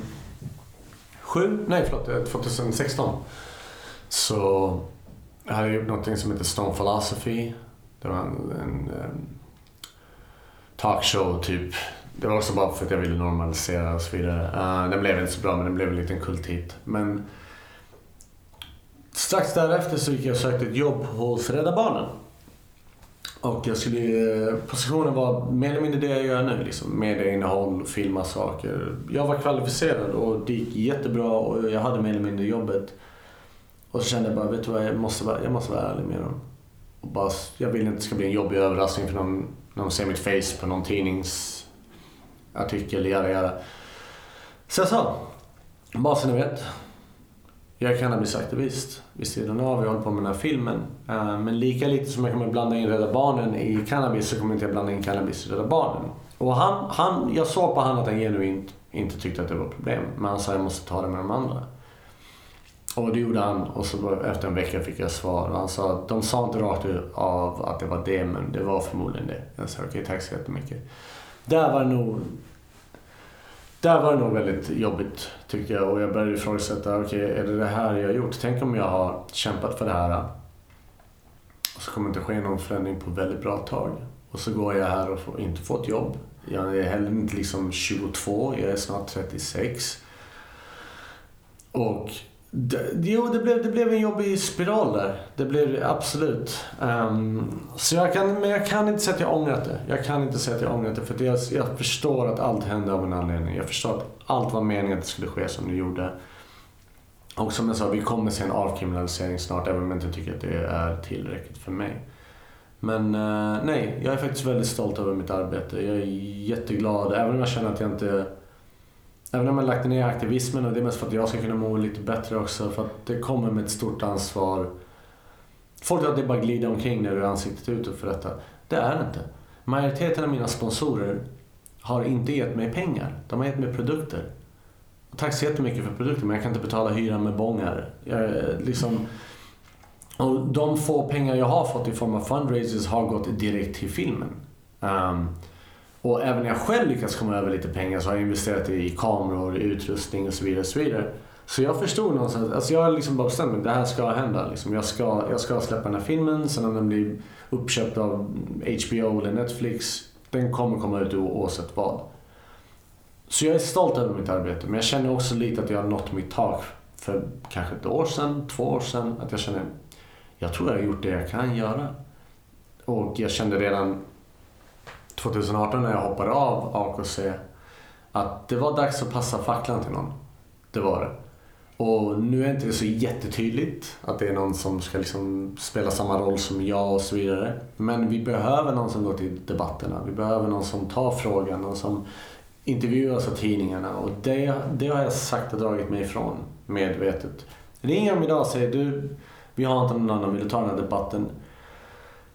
Jag får väl ta den. Uh, Vad kan det vara för typ av debatt? Jag ska se hur många debatter jag har tagit genom årens gång. Det blir typ fem, sex stycken. Um, jag, sa, jag tror jag sa det till dig, jag, i och med att jag inte har någon vilja att övertyga den jag debatterar med så, så har jag heller inte någon större vilja att debattera.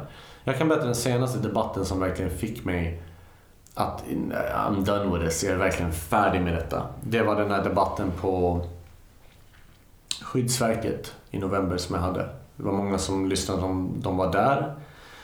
Och jag hade mot en kvinna som heter Kerstin Kjell, överläkare eh, på universitetssjukhuset i Linköping. Gammal polare till Nils Bejerot. Mm. Så man vet redan vad hon tycker. Jag kommer dit, allt är bra, alla är trevliga. Börjar med moderatorn som, varit för, som jobbat för kriminalvården tidigare. Hon proklamerar tidigt att hon inte är neutral i den här frågan. Jag, bara, jag har aldrig varit med om en moderator som från början säger jag, jag är inte jag är inte neutral i den här frågan. Jag är emot. Och jag tänkte, hur ska inte det här färga debatten? Och det var exakt det vi gjorde.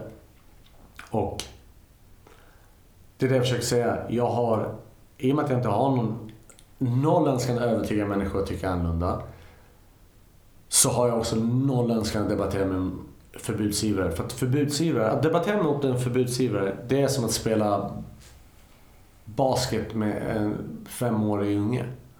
De, inte bara att de inte kan reglerna, de skiter i reglerna. De bryr sig inte om reglerna. De är inte där för att debattera. De är bara där för att visa sin ståndpunkt, period. De skiter i vad du har för fakta. De bryr sig inte. Knark är knark. Det är dåligt. Jag sa till dig också, varför har ni bjudit en komiker mot en överläkare?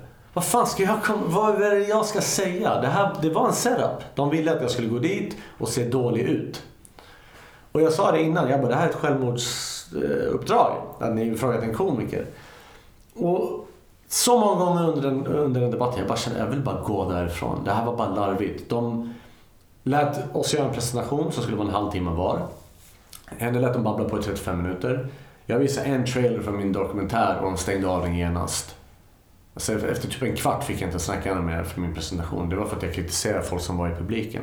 Mm. Bland annat eh, Per Johansson från Riksförbundet förbundet mot narkotikafritt samhälle och alla deras polare. Så att såklart, deras egon blev ju sårade när jag visade en video där jag kritiserade dem. Och dessutom kritiserade jag Allan Rubin. Det här är samma snubbe som, och det här får ni citera, alltså ni hittar det här citatet själva. Han påstår att vi, vi som röker cannabis, vi är osäkra om vår sexualitet. Att det finns en länk mellan homosexualitet. En länk mellan homosexualitet och cannabis. Det här är vad den här killen själv tycker och har blivit statligt sponsrad genom att åka på olika föreläsningar, yada yada. Han var också med i min, i min uh, trailer lite. Och såklart det blev de sura för i publiken. Och de bad väl Moderaterna klippa detta. Moderaterna känner ju också den här. Så redan där börjar det så jävla illa. Hon, hon säger att hon inte är neutral, de klipper av min presentation. Hela grejen sen, debatten, jag säger debatt här i citationstecken för er som lyssnar, var mer eller mindre att Kerstin bara babblade. Och jag vid vissa tillfällen till och med sa, får jag, får jag svara på det här?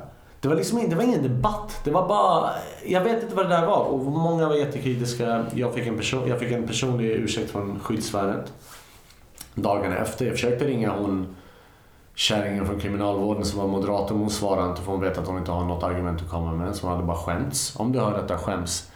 Men skyddsvärnet, jag vill säga jag tycker, jag tycker det skyddsvärnet gör är bra. För de tar hand om kvinnor som har hamnat i kriminalitet och problematiskt bruk och har sådana mm, halvvägshus till dem. Jag tycker det är bra. Jag sa det till dem. Jag tycker det är ett arbete ni gör är bra. Men det här var en förkastlig, förkastlig debatt. Men det kändes bara som det här var bara det, var bara det jag behövde veta. Jag, jag vill inte diskutera med de här människorna. Finns det absolut ingen annan, varsågod, slå upp bat-signalen. Jag kommer. Men, men jag undviker helst debatter. Det ger mig ingenting. Och vid ett tillfälle, oh my god, ett tillfälle börjar folk i publiken lägga sig i och argumentera. Så vid ett tillfälle så argumenterar med fem personer samtidigt och inte någonstans säger moderatorn hej, ni i publiken, skärp er. Men så fort någon, någon på min sida börjar argumentera med Kerstin, då, ni får vara tysta, ni får vara tysta.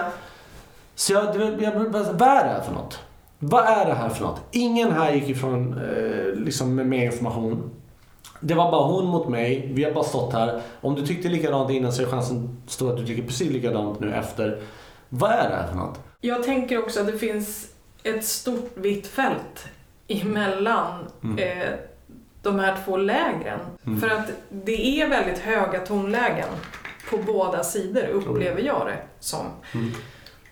Som Alltså det leder ingenstans till att börja med. Nej. Därför att det enda som är är att det upprätthåller någon sorts konflikt eh, som är ganska menlös. Men, men det finns så jättemånga människor som inte tillhör något av de här mm. lägren. Som jag tänker att det måste vara väldigt svårt att ens bilda sig en uppfattning av att bara lyssna på ganska mycket som eh, kommer ur sådana här debatter. Mm. Det är bara att titta på många TV-debatter som har, alltså det är inte så många som har varit, men de som har varit, jag tänker ofta att den som ser på det här, det är lite som att lyssna på politiker som håller på och tjafsar bort eh, en timme av tittares tid i... Ja, vad, vad har de gjort till slut? Vad har de åstadkommit till slutet? Nej, bara, det bara... Nej, jag tror det, det går lite hand i hand med kulturen vi lever i idag. Folk mm. gillar outrage. Folk gillar att man skriker i sina åsikter och är jätteöppen med dem. Och det finns någon sorts form av identitet i också. Att, att, att ja, jag är det här mm. eller jag är det där. Och då, då är alla inne i sina läger, sina stammar och klaner och göra göra. Um, jag håller med. Det är som, som o, där, där läget som du sa emellan jag kan tänka mig det måste vara skitjobbigt för jag har själv varit där. Mm. Jag, det här läget emellan som du snackar om, jag är redo att säga att det kanske är 80% av befolkningen. 10% som röker på, 10% som är religiöst emot det. Sen har 80% som idag säger nej i brist på information och eftersom de har vuxit upp med det. Ja men det är nog inte så bra. De lutar nej mest för att de egentligen inte liksom, vi hamnar i okant med dem. Men de märker att Talar man lite längre med dem så tycker de flesta, ah, men skitsamma, vad fan bryr sig, låt folk få röka på. Mm. De har börjat sakta börja komma till vår sida. Och det är också bland annat som jag nämnde innan, de har börjat ifrågasätta polisen. Folk som inte röker cannabis själva eller för cannabis, de blir såhär, är det här verkligen det viktigaste ni kan sätta era resurser på? Så de är vi beroende av. De är vi. Men även de vill inte försöka vara evangeliska och hålla på att övertyga. De kommer komma automatiskt med fakta och opinion. För att samma 80% av människor var de som bara, äh, men homosexuella är okej. Okay. Äh. ja. Det är samma sak. Men då måste vi visa att vi finns och att vi är normala människor. Um, nu är vår rörelse väldigt ny och då har den alltid barn, barnsjukdomar. Liksom. Så det, det är därför jag tror att legalisering kommer dröja ett, ett tag i Sverige. Det, det kommer det till. För vi behöver nya generationer, nya människor som inte vuxit upp med det här skräckstigmat som kan reglera det på ett bättre, på ett bra sätt liksom. Men jag håller med, som oinsatt, oinsatt så blir det väldigt svårt. Och det, jag tror det blir ännu svårare än när man har en statsapparatur som inte ger en objektiv bild. Ja, verkligen. Och sen tänker jag också att jag tycker inte alls att det är eh, orimligt att tänka, men vadå, varför skulle vi behöva ytterligare en drog som ska... Alltså jag tänker att det spon... den spontana känslan eh, som många har som reaktion och som yttras, just som vi har pratat om mm. tidigare. Med tanke på den politik och pro propaganda som har förts under väldigt, väldigt många år så tänker jag att den spontana reaktionen inte alls är konstig från människor som jag tror, den blir inte, den blir inte konstig om, om man ser det ur perspektiv som de gör. Att de tror att det är bara tusen, tusen människor i det här landet som gör det. Det är typ Tim Buck och Labyrint som bara gör det. Det är deras bild mm. av det. Och då, för, då förstår jag att de tänker, men varför ska man släppa loss någonting? Mm. Men när man snabbt inser att vänta, det är nästan en miljon människor som, som röker det här redan. Då förstår man ganska snabbt att den är redan fri. Det är motsatsen att släppa någonting. Ska vi ta en till drog? Den är redan här. Den har funnits här jättelänge. Så jag håller med dig någonstans. Okej, okay, det, jag vet inte. Jag, jag tycker det är ju tecken på okunskap när man säger så ah, nu ska vi släppa en till drog. Mm. Men då är det, det visar på att man inte vet hur många människor som brukar den eller hur vanlig den är. Eller, då tror jag man man har någonstans tycker jag att du, du ska ha det ansvar för då har du själv inte någonstans gjort din egen information. För det är också en grej vi måste någonstans lägga in i mixen. Yes, det är sant. Du har nej-sidan som är höger, du har ja-sidan som är höger. Men vart det ligger ditt personliga ansvar idag med internet dessutom. Mm. Att inte leta upp fakta. När jag var liten och du också. Vad var faktan då? Då fick man gå till bibblan och hade du tur så hittade du kanske en bok om något ämne. Mm. Och där var det väldigt begränsad informationen i den också. Vad är ursäkten idag när alla har en dator i fickan? Att bara kolla upp det själva. Mm. Um, det är ju också dagen före dagen. Ja, just det. Dagen före dopparedagen. Mm. Hur ska du fira 420? jag brukar skämtsamt säga om du röker på så är varje dag 420 egentligen. Um, ja, imorgon så kommer det ske Uh, imorgon lördag den 20 så kommer det ske en uh, träff i Humlegården arrangerad av Otto Larsson från Piratpartiet och han kandiderar till eh, EU-parlamentet. Mm. Och han har gjort ett löfte till att han, han kommer bara snacka cannabis. Och han säger till folk oavsett vad du röstar på om du cannabis i din fråga, säg det. Eh, rösta på mig för jag kommer pusha bara den frågan. Det enda han kommer göra i EU-parlamentet är att snacka illa om Sverige och hur dåliga lagar vi har kring det här för att influera andra. Och det är en sak som också inte man tänker i perspektiv, alltså man sätter i perspektiv är att Sverige kommer inte kunna hålla sin politik forever. Alltså det, det finns en, en tidsbegränsning på det. för att Norge lättar på lagarna, Finland lättar på lagarna, tyskarna lättar på lagarna etc. Danmark. Danmark. Du kom, polisen kommer inte kunna haffa turister som kommer med sin medicin, vilket de EU, EU-lagen är så att om du inte har tillgång till din medicin i något annat EU-land så ska du ha rätt att ta med dig din medicin. Mm. Så Sverige kommer inte kunna fortsätta vara en isolerad ö i EU omgiven av massa länder som har lättnader, lättnader på cannabis. Det, det kommer inte gå. Och i och med att vi är ett litet land men vill vara så globala, trenden kommer, den kommer, den trenden kommer komma liksom. Men eh, det är vad han gör och det har jag sagt till mig själv, det är min sista aktivistgrej jag kommer göra. Jag kommer eh, försöka jag kommer vara där, jag försöker hjälpa men också bara skaka hand med lite människor. Det är alltså ett cannabis-event? Vad ska ni göra? Han har massa talare. Eh, och jag tror han kommer ha lite musik i Humlegården. Så det är väl egentligen bara visa lite att vi är här. Det är, liksom, det är ingen manifestation så, men det visar att vi är här, vi finns. Kom och snacka med oss, vi är normala. Um, jag tror jag ska köra lite stand-up, jag har lovat honom det också. Så får vi se vad de talarna säger. Men jag tycker det är bara kul för någon som, för någon som har liksom eld i rumpan och känner att det måste ske saker så jag är bara glad att någonting sker utöver fucking internet. Folk måste lägga ner det här att de tror att ah, men jag har en Facebookgrupp. Okej, okay, nobody gives a fuck. Ingen bryr sig att du har en Facebookgrupp med 20 andra människor som tycker likadant. Du är, inte en, du är ingen cannabisaktivist. Det finns en skillnad på att vara aktiv aktivist och bara aktivist. Du är ingen cannabisaktivist. Mängden gräs du röker kommer inte ändra på lagarna. Och det tror vissa människor. Jag är aktivist, vad gör du? Jag drar till Holland varje dag. Okej, okay. att du drar till Köpenhamn eller Christiania, vad, vad, vad är det för skillnad för kampen här? Jag normaliserar, ja hur då? Ta selfies nere i Nederländerna. Men ge, ge dem förslag på vad de kan göra istället. De vågar inte. De vet vad de vill göra och det är väl anledningen varför jag också har hamnat på kartan så lätt. Att jag gör någonting som andra inte vågar. Och jag förstår att det var det som var nyckeln till varför jag kommit dit jag kommit. Men du, men ändå. Jag vill ändå fråga mer om det därför att det har ju kostat dig också jättemycket mm. och du tycker att det på ett sätt har varit värt det. Ja. Eh, men du har ju själv också sagt att du har stor förståelse för att det är dels inte alla som kan, eh, kan betala så högt pris som du har gjort. Mm.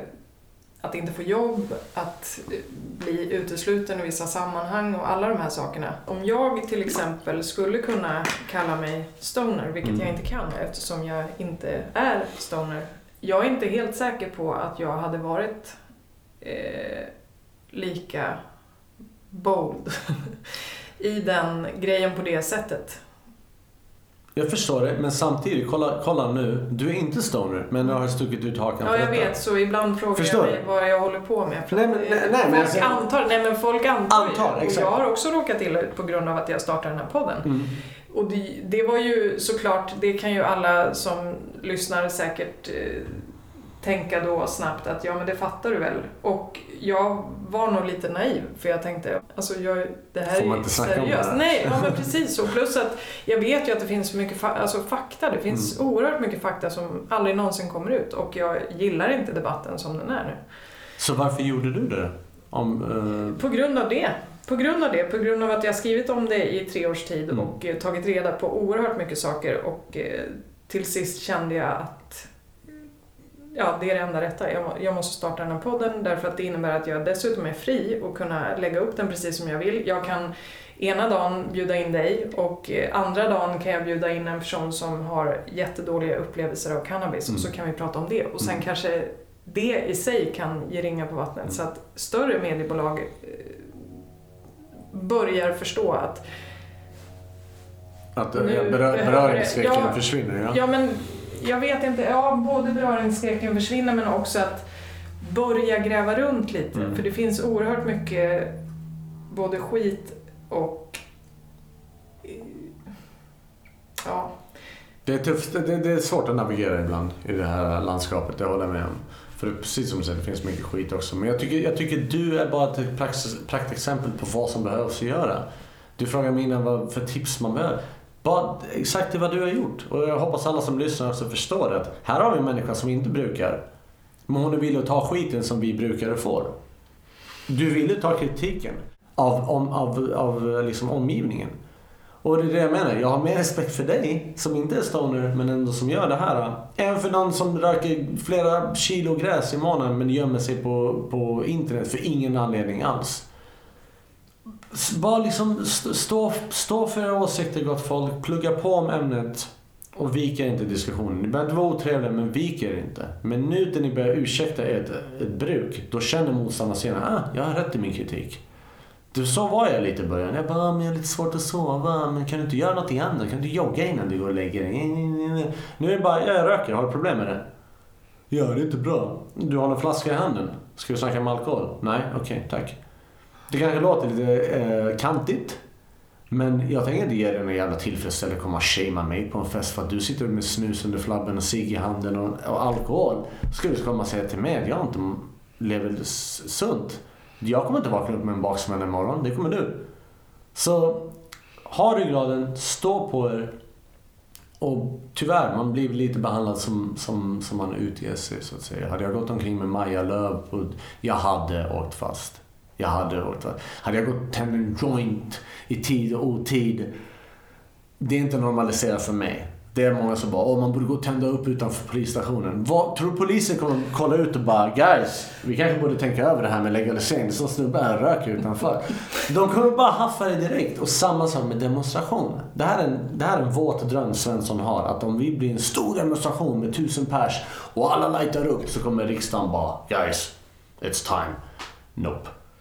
Gör vi det, stor chans att polisen kanske filmar vissa av oss som röker på. Men nu blir du motsägelsefull. Jo, men det är en annan sak att du öppet står och röker på offentlig Ja, plats. men- Då är det provokativt. ja. Förstår du? Ja, du. Det är en sak om du säger att jag brukar och du brukar hemma i, i, Ja. i eget hem. Men om, om, om Svensson tror att tusen människor som tänder upp och samtidigt ska göra någon skillnad, då, då, då inbillar man sig också på något konstigt sätt. Ja, vi lever i en ny tid, vi lever i en ny era. Jag tycker vi ska fortsätta vad vi gjort. Att skapa fysiska event där folk dyker upp. Driva frågan online som den har gjort. Och när jag säger driva frågan online, då menar jag krönikor, debattartiklar. Inte hålla på och gnälla i forum. Varför sätta tilliten när någon annan ska nyktra till och bara "Åh!" Det gör det inte. Vi visar att vi finns. Då kommer den här mittenskalan som du snackar om sakta börja bli influerad av den politiken. Det har vi sett i USA. Det var ju majoriteten av de som röstade ja för legalisering röker inte själva. De bara tycker det här är larvigt att vi ska fortsätta ha det illegalt. Om det är någon som är yngre än 21 som lyssnar på det här avsnittet, har du någonting som du skulle vilja mm, passa på att säga till den personen? Vänta, för det kommer att bli mer belönande. Det kommer bli så mycket mer givande. Vänta, om du känner att du är ungdom och du har problem. Jag kan inte sitta och snacka emot CBD, för det är, psyko, det är inte psykoaktivt. Men om vi snackar om rekreationell cannabis med THC. Vänta. Vänta med det och jag lovar att det kommer bli mer belönande. Än att du kanske utsätter din utvecklande hjärna för olika substanser. Det kommer bli mer belönande när du blir äldre. Du kommer ha ett bättre perspektiv och du kommer ha en sundare relation till det. Känner du att du mår dåligt och du är en ungdom, gör ditt bästa att försöka ta din mentala hälsa på allvar. Det är något som, inte, som dröjde väldigt länge för mig. Jag har själv en pappa som inte tar sin mentala hälsa på allvar och han vittrar bort. Det är det han gör. Folk lider av massa besvär. En, en substans kommer inte hjälpa dig när du är 16. Det kommer inte. Det kommer distrahera dig en sekund. Men det kommer inte hjälpa dig att komma ut ur problemet. Så Försök att vara motiverad, fokuserad och förstå att när du är 17, så kommer, eller förlåt, när du är 21 så kommer du kunna ta det här eh, substansen om du vill testa den, om det är för dig eller inte. Um, det, det är det enda. Jag, jag, jag vill inte hålla på och så här använda för, förbud, log, alltså retorik och så vidare, för det har ju inte funkat. Jag tror inte på att stigmatisera det heller, jag tror inte på att romantisera det heller. Men är det någonting vi kan göra är det väl att kanske ta udden av cannabis på ett sätt. Förstår du?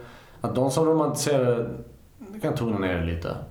Um, och de som ogillar det också, de har ju också börjat vandra lite mer. Att, som jag sa, att de har övergett den här retoriken om att folk dör. Men jag tror, jag tror vi bara måste göra ett gemensamt, som, både som samhälle också, bara utbilda människor. Det här är inte rätt grej. Sen kommer vi tyvärr alltid ha en experimentell procent som testar. Du har Ja, alltid nyfiken grupp av människor som bara, nej jag tror inte på det här. Jag, jag ska testa ändå. De hade vi alla också mått bättre av om det var en legal mark, eller Mm. förlåt, en legalisering. För de hade kunnat få adekvat hjälp. Mm. Ehm, Ja, och jag tycker det är bra att du säger det där med att sluta romantisera också. För, därför att risken finns ju också att det verkar som att det är så fullständigt ofarligt och det här, alla har ljugit i alla år och vad vill man mest göra då som ung rebellisk tonåring? Exakt. Jo, det är väl klart att man går ut och brukar cannabis om man inte samtidigt förstår att det är en dålig idé när Exakt. man inte är färdigutvecklad i hjärnan. och det är, väl det, som, det är väl det som är problemet när vi har motståndarsidan som skräck. Jag sätter en skräckbild på det här med ungdomar som brukar. Sen har vi den andra sidan som Ja. säger att det inte är ofarligt. Det är ännu förvirrande som ungdom. Ja. Och, och en ungdom kan inte sätta samma krav på att de ska ha källkritisk research. Nej. som en vuxen människa. Så, men eh, ja, ungdomar, gör inte det. Jag, jag lovar. Jag, jag säger rakt av, hade jag fått chansen, jag hade inte druckit alkohol när jag var ungdom. Jag hade inte testat det första gången jag var 14-15. Eh, jag hade absolut inte rökt nik- eh, cigaretter, nikotin. Jag hade, försökt, jag hade verkligen det. Det är lätt att vara efterklok. Och med den enda drogen som jag har perspektiv till som jag testade som äldre var ju liksom cannabis. Och då, först- då såg jag wow, som 29-åring så har jag så mycket sundare relation till det. Det är därför som jag sa innan, jag har aldrig missbrukat cannabis. Jag är så glad att den här kom till mig sent. Och jag tror alla hade mått bättre om de bara liksom, kanske har den inställningen. Um, men det är väl det. Mm. Tycker du att vi har glömt någonting viktigt? Nej, jag tycker vi har haft ett trevligt samtal. Jag vet inte om det är... Um, ursäkta. tänka. Jag hade någon tanke innan men jag vet inte om den har försvunnit. Ja, nej, men jag tycker vi har sammanfattat det ganska bra. Jag, jag, jag, jag är som sagt jag är 100% säker på att vi kommer avkriminaliseras snart. Vi är, vi är vid ett historiskt tillfälle. Mm. Det är vi. Um, det har mest varit regeringskaos jävla länge. Och bilda den här jävla regeringen. Men så fort alla nyktrar till lite så tror jag den här frågan kommer. Avkriminalisering som sagt inom, inom fyra år, kanske närmare mandatperioden till och med. Um, så jag, är- jag är glad. Jag är, jag är glad att jag... För mig är cirkeln sluten snart. Jag började fem år, eller jag började röka cannabis för sju år sedan men för fem år sedan började jag filmen. Och den är snart klar och jag är också eh, klar med Sverige typ. Jag känner att jag har gjort det jag har kunnat göra på den här fronten. Och jag kommer nog inte kunna orka vänta till en legalisering i det här landet. Jag känner att jag är äldre. Um, om, jag kan inte riktigt göra med, någonting med min, mitt rykte inom cannabisvärlden. Jag kan inte riktigt göra någonting i Sverige med Inga av de idéer jag vill starta går riktigt att göra här. Um, inte för att det är illegalt utan bara för att ämnet är så stigmatiserat. Om du Vart ska du fly då? jag kommer dra till eh, Spanien. Um, jag säger inte att Spanien är ett bättre land än Sverige, de har sina problem också. Men även om inte det är legalt, det är ingen som ringer snuten på det för att du röker på din lägenhet. Det är ingen som kommer ringa snuten på det för att du är ute i vildmarken och hajkar med din hund. Men vänta nu, är det inte så att man får ha tre plantor för eget bruk i Spanien nu? Nej, utan det är sex plantor. Men det där är också väldigt, väldigt tolkning, det är en tolkningsfråga. Okej. För att i Spanien, drogbruk bruk har aldrig varit illegalt. Det har alltid varit avkriminaliserat. Spanien tar väldigt mycket ära i det här med privat. Eh, du får göra vad du vill inom dina... Du får, du får använda heroin i din eh, ensamhet hemma hos dig själv. Så länge du inte distribuerar, eller säljer eller tillverkar och så vidare. Så det här med sex plantor, det är upp till polisen som ser det. För du kan ha sex plantor varav varje planta är stort som ett träd. Och du kan ha sex plantor som är knappt 10 centimeter. Så om en polis kommer hem till dig och säger att du har tre träd som kommer ge dig en kilo skörd i varje, varje planta. Det kan vara misstanke för att du åker fast. Kontra att du har 10 små plantor som kommer vara ge dig 50 gram. Det kan de förbise. Samma sak är i Nederländerna. Eh, så man ska inte stirra sig blind på den här exakta siffran. Man får sex plantor. Det där är helt och hållet. Och sen är grejen är att du var sex plantor. Det betyder inte att du får skylta med. Dina grannar får, dina grannar, du får röka på hemma och allt det där och odla. Men dina grannar får inte känna lukten. De ska inte förstöras. De kan inte få se plantorna heller. Men det där kan jag leva med. Jag har varit i Denver, jag har varit i Amsterdam. Jag behöver ingen coffee shop på varenda jävla hörn. Um, så Spanien känns som en ganska bra mix tycker jag. Där, där eh, de, de kommer legalisera, de har val nu 28 april. Så de kommer legalisera, legalisering kommer ske när som helst. Men jag tycker de har hunnit se lite andra marknader och lärt sig lite mera på det. Sen har de ju problematik i, med sina klubbar. Cannabisklubbar som är kort och gott en cannabisklubb är en förening. Och du får göra vad du vill i din förening om du är vuxen. Om du och jag vill ha en förening här i Spanien där vi bara sitter och röker på och vi har medlemmar, då får vi det. Likt en cigarrklubb eller något annat. Men många av de här klubbarna drivs fiffigt, alltså folk fifflar med dem och har inte licenser med dem och allt sånt där. Så jag tror att reglering kommer att fixa till det. Alla de här oseriösa kommer att försvinna. Och det är egentligen, i slutändan så är det det som är viktigast för mig. Det är inte att jag ska kunna få tag i något superduper weed eh, som har annonserats av någon dispensary. Wow, moonrocks och jada jada. I slutet av dagen, kan jag få odla min medicin? Kan jag få röka ostört? Då kan jag leva med det. Det hade varit kul att gå till ställe som har allt det här utbudet. Speciellt någon som lider av mentala sjukdomar. Men i slutändan, vet du vad? Om jag får, lagla, om jag får odla ostört. Okej. Okay. Okej. Det är faktiskt helt okej. Jag tror... Det är det. Liksom, och det är det jag menar. Att cannabis är inte hela mitt liv. Mitt liv cirkulerar inte kring cannabis. Jag har så mycket andra saker som jag tycker om. Jag önskar bara cannabis var... Det är mitt tillskott. Precis som man tar vitamin C på morgonen. Det är så simpelt jag vill se det. Ah, jag vaknar upp, jag känner mig lite nere. Rök en joint. Ja, nu vill jag tvätta. Nu vill jag diska. Det är min stämningsstabilisator liksom. Mm. Ska vi avrunda så? Absolut. Det Tack du så jättemycket för att du kom hit. Tack för att jag fick komma. Tack själv Malin. Om ni av någon anledning vill komma i kontakt med mig, Malin Rotenborg, är det lättast att skicka ett mejl till cannabispodden at gmail.com. Cannabispodden gmail.com.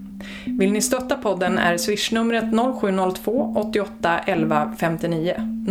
0702 88 11 59. Länkar till Paypal och Patreon finns i texten här under. Om ni gillade det här avsnittet får ni mer än gärna sprida i sociala medier så hjälper ni podden att nå ut till fler.